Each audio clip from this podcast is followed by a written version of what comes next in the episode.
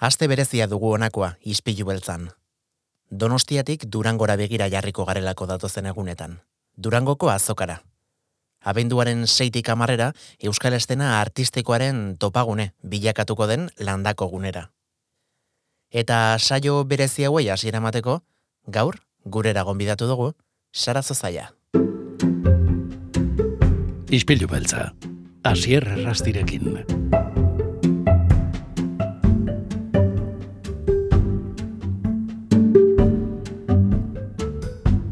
Sara Zozaia, ongi etorri gure izpilura. Kaixo, zer moduz? Oso ongi, eta zer moduz, e, Sara, imaginatzen dut, e, bueno, ba, Durangoko e, azoka ate joka dugun honetan ere urduri xamarrere egongo zarela agian.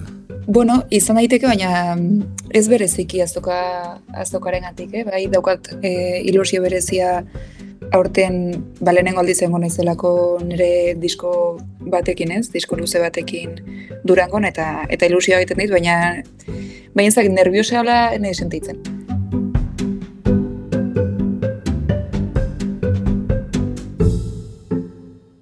E, hau da, bueno, ba, eskuartean dakarkizuna zure estudioko hirugarren lana, nara izena duena, baina badu berezitasun bat, estudioko lehenengo luzea dela. Aurreko bilanak hiru eta bat izena zutenek e, kantu gutxiago zuten, eta urriaren hogeian aurkeztu zen egun, bueno, ba, ba eskuartean orain dugun diskazora garri hau, konta iguzu, e, nolako esperientzia izan da, hau sortzearena?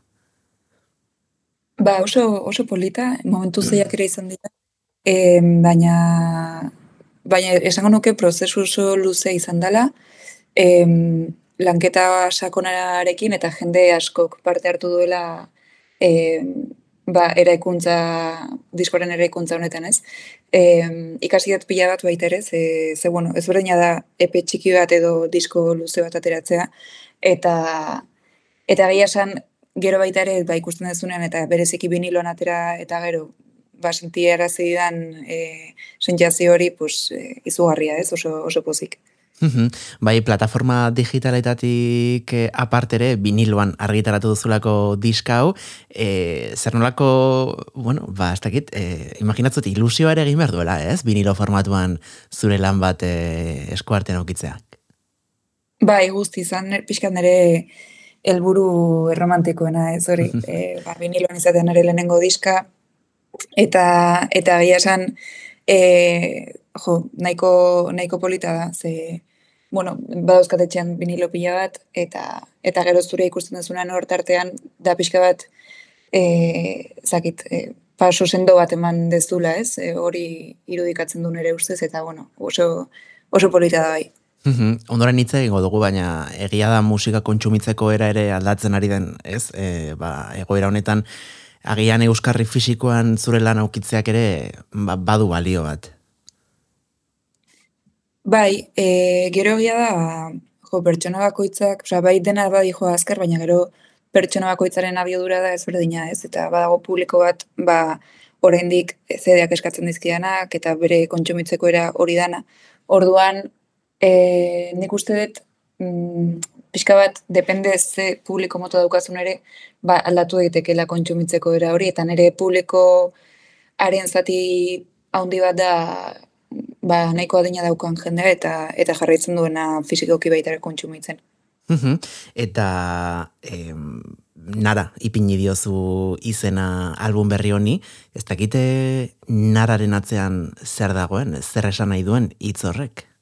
Hitza bera gustatzen zitzaidan eta badu baita ere e, ba, konotazio espezifiko bat, ez? Osea, uztartu ditut pixka gauza ezberdinak, baina nara hitza e, ola, atera, osea, iritsi zitzaidan burura eta sentitu nuen hori zala e, izena. Gero da askotan, gerora ematen dizkio dela e, esan nahiak, ez, gauzei, baina badago lehenengo impultso bat edo sentsazio bat eta hori izan nuen hitz honekin, e, Japoniako hiri bat da baita ere, mhm. baina esatu dizu moduan, osea, askotan ezakizu ondo zergatik, baina hitz bat etortzen zaizu, eta gero ja, amaika mila arrazoi eman, eman dizkiot eta emango dizkiot ez, baina mm, ez da lehenengo intentzioa.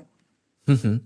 E, Sara, amabi urtetxorekin hasi zinen zure kantu propioak eh, sortzen, orain hogeita zazpi daukazu, e, bueno, orain txesagituan, ez, abenduan e, beteko dituzu hogeita zortziak, e, badira urteak, eh? musikan dagoeneko hain gaztetxo izan da, e, nola izan zen Sara txiki uraren prozesua, bere kantu propioak e, sortzen hasteko? Jo, pues, eh, askotan sentitzen dut momentu horretan mm, zalan ere eskape moduko bat, ez? Osa, zan pixka bat mundu fizikotik ateratzeko era, eta sartzen nintzen ere gelan, abestiak sortzen, gitarra jotzen, e, letrak egiten, eta zan orain pixka funtzioa ez berdina da ez, musikarenan ere bizitzen, eta askotan bai begiratzen dut momentu, hasierako momentu horri, eta eta iruditzen zait oso interesgarria ze ze uste etor dagoela pixka bat e, esentzia ez, edo zergatia zergatik egiten dudan musika, eta eta zan momentu horretan, pues, hori behar nuelako e, beste dimentsio batera bidaiatu, espresatu e, sentitzen ari nintzen guztia, moduren baten, eta eta kantuen bidez izan zen. Eta gaur egun, e, garai hartako kantuak, e, hitzak, letrak e, entzutean, irakurtzean, Zer sentitzen duzu? Ba, esango nizuke letrak irakurtzean oso txarrak iruditzen zaizkidala. Episkat, ba, grazia egiten dizkiate ez, e, baina esango nuke baita ere kantak entzutean eta eta bestiak e, oro entzutean iruditzen zaizkidala neko kantu e, onak direla. Osea, da neko arrara. Ze, osea, de hecho, ideia batzuk oraindik e, erabiliko ditut, eta erabili ditut, ba, ah, lehenengo urte hoietan sortuak, bai. Ze badauka, ezakit, pixkat, inozentzia bat, ez jakitasun bat, baina baita ere, e, oso, oso purua, purua da, ez, sortzen nuena, eta, eta ba, ezakit, badu zerbait. E, abesti oso txarrak bai, baina badude batzuk, e, oraindik urtetzen ditu denak. E, egia da inozentzia hori urten poderioz ba, galtzen. E, juten zerala, The Roof e, musika taldean hasi zenuen ibilbidea, ondoren nerabe e, taldean ezagutu genizun askok, beste hainbate proiektutan ere bazabiltza gaur egun, eta eta sarazo zaila bera artista bakarlari moduan ere badabil, eta eta nara, e, album hau paretu digu gorengoan, asko aldatzen alda, e, taldean aritzen den, edo bakarka aritzen den sara hori? Bai, asko, esango nuke igual alrebes izango zen, ez? Osea, bakarka nabilenean naiz euneko egun ni, eta gero taldean nabilenean naiz talderen parte, eta aldatu baino, uste dut nire euneko egun horren, pues, porzentzai bat e, ematen mm -hmm. ez eta gero beste besteena e, hartzen dut, ikasten dut, eta eta nastura bat sortzen da, uste dut taldean e, jotzearen ba, helburua edo hori dala baita ez, ikasi eta trukaketa bat e, egiten da. Eta nire proiektuan poz da gehiago, nik e, erabakitzen dut dena, gidatzen dut proiektua, eta gero ba, musikoa guzti hori elebatzen dute beste puntu batera, baina ideia funtsan bai e, ba, artistarena da ez, bakarlari moduan. Eta askotan, nasten ditugu bi terminoak gauza bada, bakarlari moduan aritzea eta lan horiek sortzea, baina beste gauza bada, e, imaginatzea prozesu guztionetan, sara bera bakarrik egon dela bere etxeko gelan sartuta, e, bidelagun asko izan dituzu, ezta? E, prozesuan, besteak beste, Jon Agirre Zabalaga izan da zure produktore musikala. Bai, eta Jo, gainera uste ez zingo nu, nukela egin bakarrik e, duela urte batzuk edo ez da inbeste denbora, eh? esango nizuke pues, ikasi behar dudala denetarik dana egiteko, baina orain ulertu dut e, pertsona bakoitza dela ona bagiten duen horretan, e, gauza oso gutxi ezagutzen ditugula pertsona bakoitzak eta pixka bat inguratu bergerala e, besteek dakiten eta besteek duten doai hoietaz, ez? Eta horrela askoz errixagoa da eta askoz hobea da sortzen den guztia. Horregatik, pues, produkturarekin adibidez, e, naiz eta abletona badudan, mm, ez, ez du zentzurik niretzat horretan ez dakizen denbora pasatzea, ze badago mm horretan ja aditua dana, eta eta hobeto dela elkarlan hori e, sustatu ez. Eta e, nolakoa izan da edo nolakoa da, hobeto esan da, e, pixkat, e, bueno, ba, komposatzea edo artista ez garen ontzat, e, ekoizle batekin lan egitea. Oso ez izan daiteke, e, depende ze ekoizlerekin egiten dezun lan, uste dut, e, nire kasuan, jon ez autu nuenetik berarekin e, egon naiz, ze, ze, bueno, ulertzen du nire sortzeko prozesua, em, eta pixka nire beldurra beti izaten da, gauzak hasi bai, abestiak hasi bai, eta ideiak izaten ditut, baina estudiora, estudia zait gustatzen hori lehenengo puntua, orduan, claro, e, produkturak edo grabatketa estudioetan eskatzen dena da, perfekzio bat grabatzera zuzen momentu horretan, ez? Eta da pixkatak examen moduko bat, mm -hmm. e, zait bat ere gustatzen, ze, bueno, presio hori zait, zait ondo etortzen. Eta jonekin adibidez berakusten dit e, abestien ideiekin lantzen joan, eta lankeza horretan ari gara abestiaren e, masterra sortzen. Osa, grabatzen dituguna hau erabiltzen dira bukaerako master horretan, ez? Orduan, e, da bizka bat egiten den guztia e, aprobetsatzen dugu e, tokia duen enean, eta da asko zenderetzat e, ezakit, realistagoa edo baita polikiago ba, juten, juten gera, baina gustatzen zait lan egiteko modu hori, eta jaztingo nuke nik uste voltatu beste azterketa e, modu horretera ez. e, oso perfekzionista zara? Zure lanekin? E, da, oza, nire prozesua da pixka bat, hasierako puntuan bai, oza, ideia oso garbi daukat, eta orduan horretara iritsen nahi dut, baina gero egia da, soltatzen daki dela. Eta orduan, jonekin egiten bat lan, e, pospautak eman bai, eta zuzenketak bai, baina iritzen da momentu bat, ja, uste zu beto dela beste modu hortan egitea, bale, pues perfecto, ya ez. Orduan, e, bai eta ez, osea, puntu bateraino bai, baina gero soltatzen e, badakit, eta eta menos mal, ze bestela oso ezki pasako nun, egia esan. Bai, komplikatu abilagatu daiteke ez, e, prozeso guzti hori pixka bate hainbesteko exigentzia maila mantenduz gero. E, Sara, mm, orain jarraituko dugu e, guztiontaz e, solasean, baina pixka bate, bueno, ba, durango bertan dugula eta eta gu ere zu ezagutzeaz gain, zure lana ezagutzen joateko, mm, ez dakit, ez da erreixa izango zuretzat, baina aukeratuko zenoke, orain ipintzeko mm, nara albumeko kantu bat?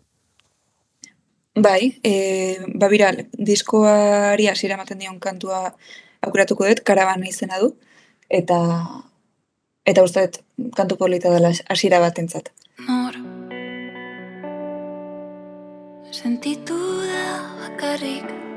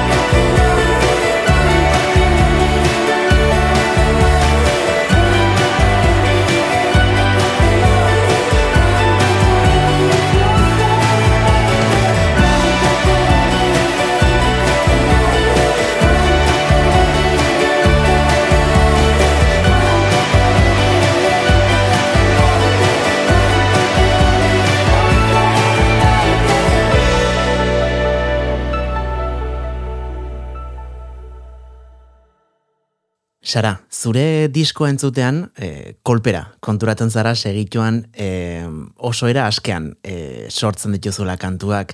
Denek badutelako, ez? Euren artean konexio bat, baina aldi berean bakoitza mundua da, bakoitzak bere nortasun propioa du, ez? E, nola izaten da sortze prozesu hau, zuretzat?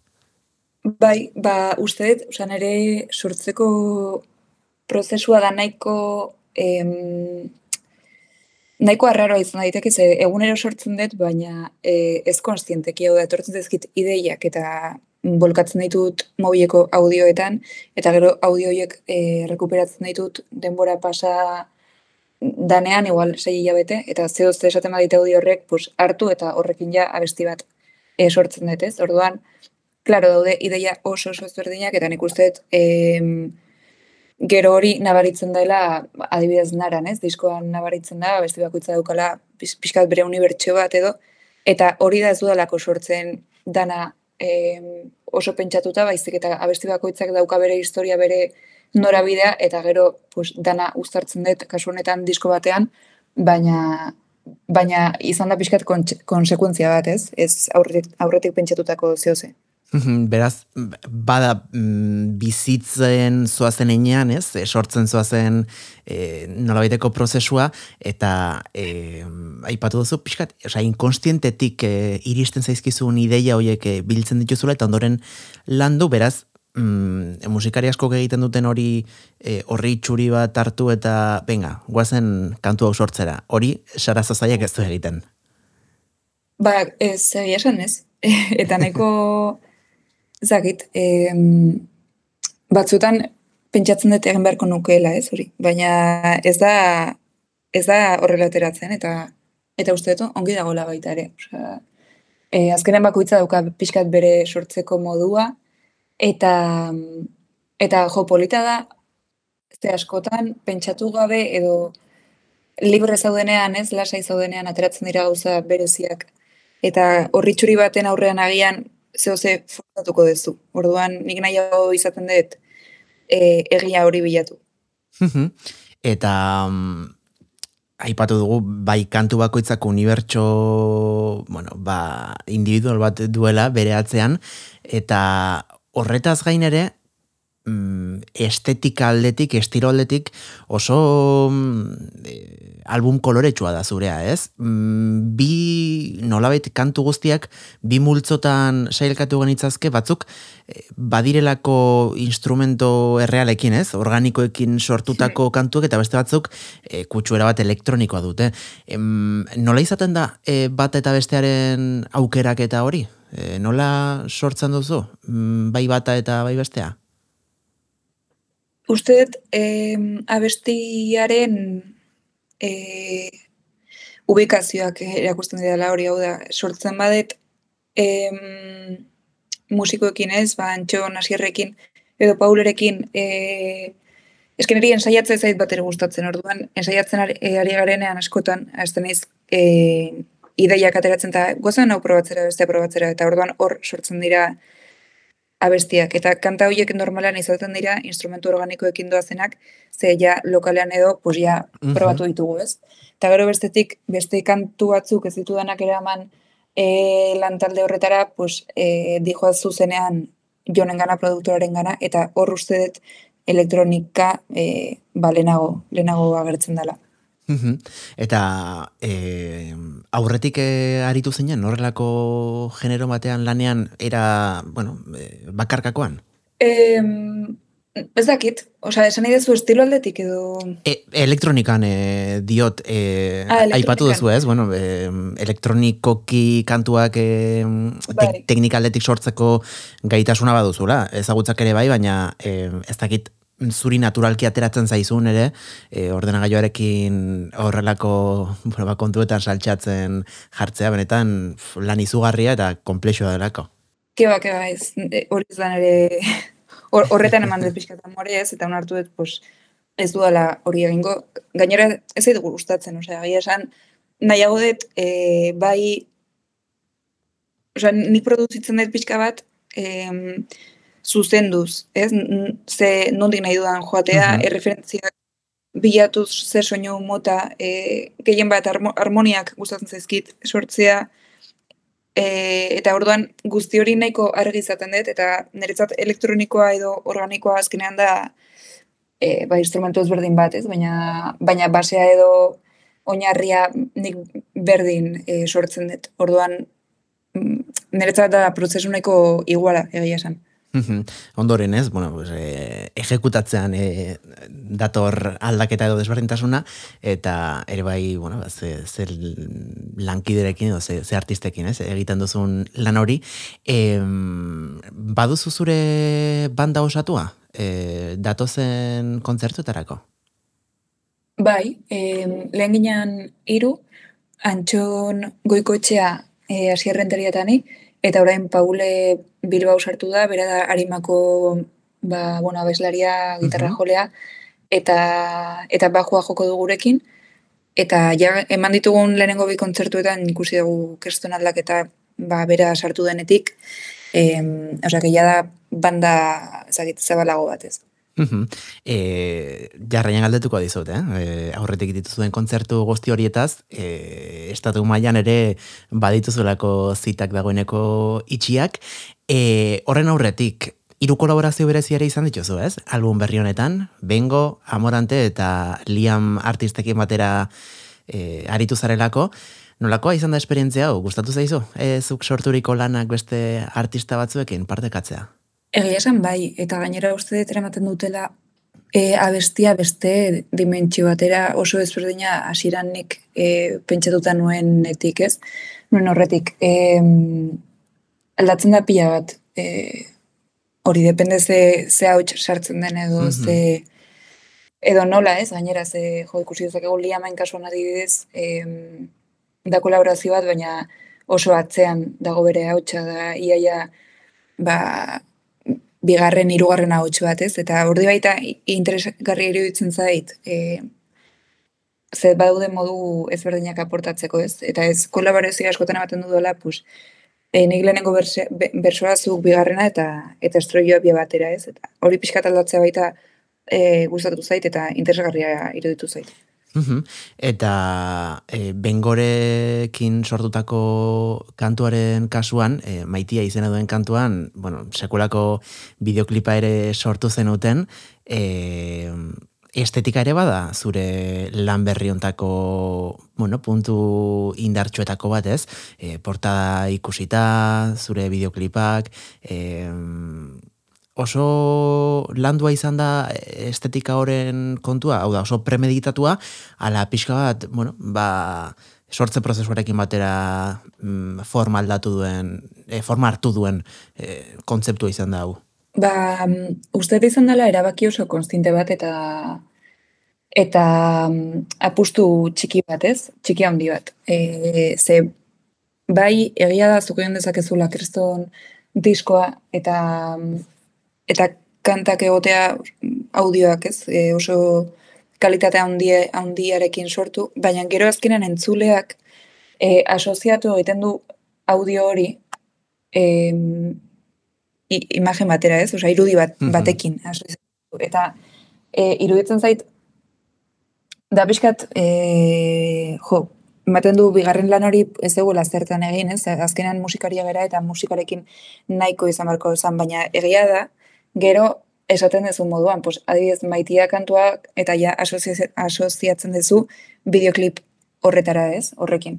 Eta e, bideoklipa dauka kriston kalitatea, ze badatorrek egin du e, dira oso, oso finak beraien lanetan, orduan, imaginatu maitia kantua ikusiko bat zenu beste etxan egindako ba, bideo simple batekin, ez? Mm Naiz eta kantua ona izan, mm, ez dezu berdina e, sentituko, eta uste gero hori kontzertuak lotzeko momentuan dela oso oso garrantzitsua. Ze promotoreak eta, bueno, be, danak baina bai e, kontzertuak lotzen dizkizunak ikusten du, ba, ba pixkat mm, aratago zaudela, ez, eta eta zela kantu bat bakarrik. Hori mm, azken amarkadetan asko aldatu da, ez? E, geroz eta eginkizun gehiago dauzkazue e, bizi ditugun garaiotan, sare sozialetan, e, ibatutako portadetan, Spotify, besteetan. E, gustatzen zaizu zuri? E, musikatik aratago di joan lan hori edo delegatzen e, saiatzen zara beste batzuei? E, egia da, nibiltzen izela baita beste musikariekin lanean. E, orduan, egun osoan nago ez, pixka bat e, honetan, eta bai konturatzen ez gustatzen zaidala e, sortu dut orain e, lantalde superpolita nire proiektua latzeko eta naiz eta jende de xente dagoen pues, e, seioa daukat e, ezakit, osak, bukina baita egiten didate, gauza pila bat, ez? Eta hala ere, konturatzen ez, e, ni ez banago zentratuta eta ez, ba, ez banaiz responsabilizatzen gauza txiki guzti horietaz, e, ez dijo aurrera proiektua, osea da pasada bat, ze zenbateko garrantzi daukan e, artistak berak egitea, ba, aipatu dituzun gauza guztiak eta daude pila bat, osea, pila pila bat. E, e, ikusten ez direnak, baina da denbora guztian gainera konstante. Bai, lehen adibidez, e, sarean saltxeatzen e, zure webgunean ikusi dut e, merchandising ere baduzula, eta merchandising'a, etiketa, e, bertako ilustrazioak dena oso oso mimatua, oso landua dago. E, eta imaginatzen dut horratzean, pf, ba, hilabete askotako lana dagoela, ez da?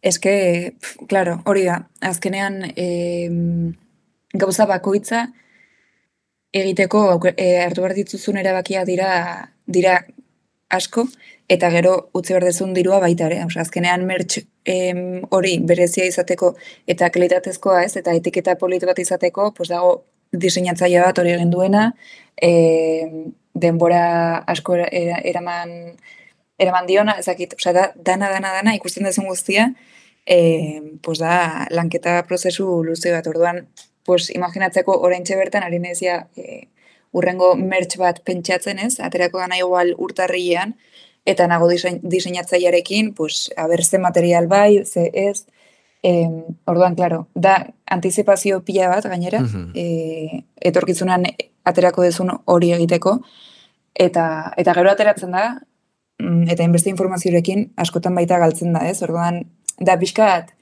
ez da erreixa, baina, bueno, gustatzen bazaizun, ere kasua hori da, e, eta gustatzen zait nire proiektua mimatzea eta da pixkat nire ezakit, e, proiektu vitala, ez? Orduan baina diote eman e, ba, zainketa hori eta eta gauzak ondo egiten saiatu gintzat. e, jarraituko dugu orain, e, zure azken lanaren inguruan solasea, baina bigarren kantu bat eskatuko dizut, e, Sara? Ba, orainako aukeratu nahi dut desan abestia, hau da Liam McDonnellekin egindako kantua eta eta iruditzen zait hori interesgarria lehen azaldu dudan kolaborazio berezi hori ez, nola, nola sortu den, eta bere aportazio sutil horrek nola ematen dion beste, beste sakontasun bat kantuari. Apenas puede levantar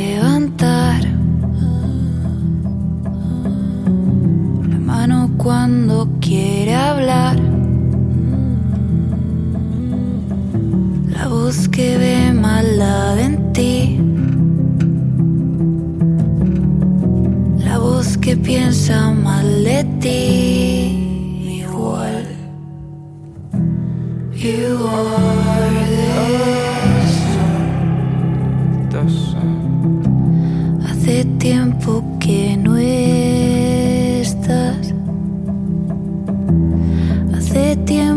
Que no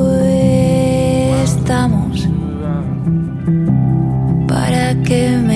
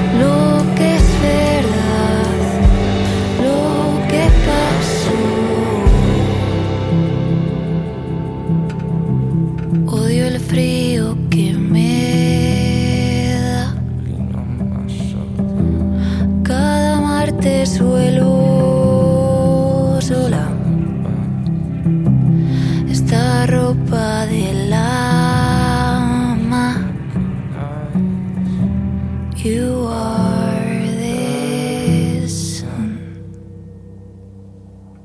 Sara, em, oso album intimoa da, oso sakona, e, bueno, gai potoloak lantzen dituena, mm, orain distantziatik ikusita nola, nola sentitzen duzu? Nara, nara lana?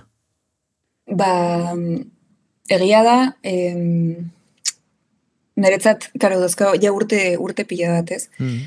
Eta, eta oso ezberdina da, nola hartzen duen publikoak e, lan berri bat bezala, eta niretzat ja, pues, mm, da zeo ze, ateratzen danean niretzako da bukaera bat, ez? Eta hori uste dut artista e, guztiei pasatzen zaigula, e, ze ateratzen den egun horretan ja, e, ez dituzu erabaki gehiago hartu behar, eta da pixka bat, desapego e, bat egitea bezala ez, eta ja mm, abestiak bere bizitza propioa eukiko du, edo diskoak, edo, edo, edo ateratzen dezun em, musikak ez, eta orduan uste dut orain bertan, pues nagola puntu horretan, ja, pixka bat iruditzen zait disko dela entzuten duenarena, eta ez nerea. Orduan Mhm. nago e, ilusionatuta beste berriak sortzeko, eta eta pixka bat kontzertuetan, baina bueno, ja disko aterata, ja sultatu gain dut. Jesus, hilabete besterik ez da pasa, e, lan hau argitaratu zen unetik, eta ja, ja urrengo proiektuetan zabiltza pentsatzen. E, nara osatzen duten amar kantuetatik e, batzuk aurretik joan zara argitaratzen e, streaming plataformetan. Horrek alde batetik imaginatzen dut, e, aipatzen duzun moduan, aspaldiko edo aspaldi hasitako lanak direnez, ba, plazerra ere sortuko duela, ez? Hainba, hainbeste denboran zehar gordeta izan dituzun sorkuntza horiek e, behingoz argia ikustea, baina besteletik ez dakite bertigo pixkatera ematen dizun dena e, kantu hauek banan-banan e, urtantak bezala argitaratzen jute azkenean, ba, bakoitzaren harrera e, ezberdina izango delako, ez? E, nola, nola kudeatu duzu hori? E, pues filosofia estoikoarekin, ez? Pixka, osea, e, claro, eske, pff, niretzat eta geroz eta gehiago bizi dena neutroago. Osea, bai gauza honak eta bai gauza Hmm. txarrak. Ez? Ean, hain inestable da hau, e, uste dut garrantzitsuena dela e, ni neu egotea oso seguru zer egingo dudan eta zer nola atera nahi dudan, ez?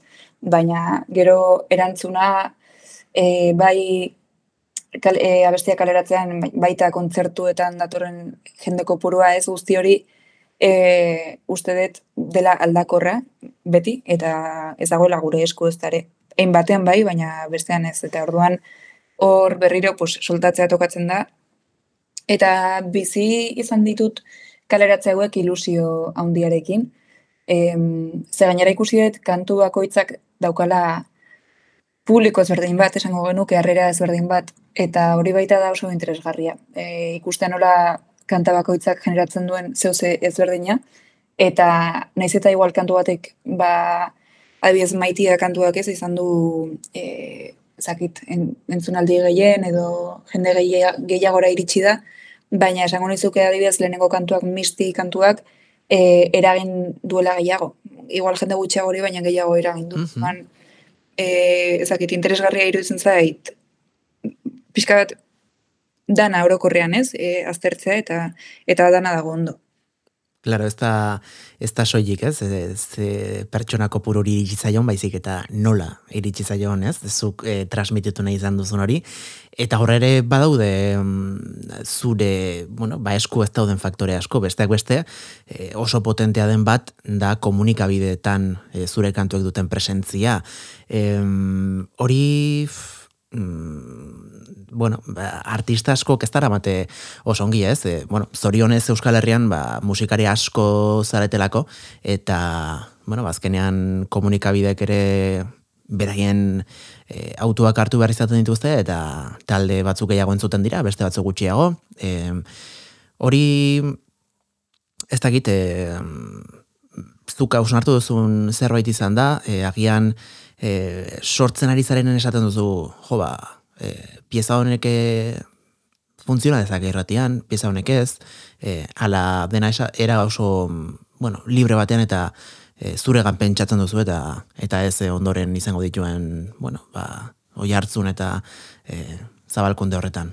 Uste bi gauza direla ez, sortzeko momentuan ez dut pentsatzen e, konsekuentzia horietan. Osa, baina gero bai, e, adibidez diskoan nuenean argi ikusi nuen ze kantu izan e, zitekeen ba, gaztean entzun gai eta zinez, mm Eta, osea, pixkat bi, bi partea gustatzen ezkit, ez? Osea, ez ez ez sortzen zer, zer, zerbait lortzeko, baizik eta gero sortzen dudan hori gero ubikatu behar dugu tokiren batean, eta eta uste dut, e, ni, ni naiz, osea, zakit, nahiko lasei bizi naiz e, aipatu dezun horrekin, ze uste dut, justo egiten dudan musika e, ez dala radioformula baterako ez, orduan, bueno, e, uste dut horrek entzen dira baita ere presio pixka bat. E, gero era berean, uste dut e, hainbeste urte ba, musikaren munduan hemen Euskal Herrian e, egon da, pues,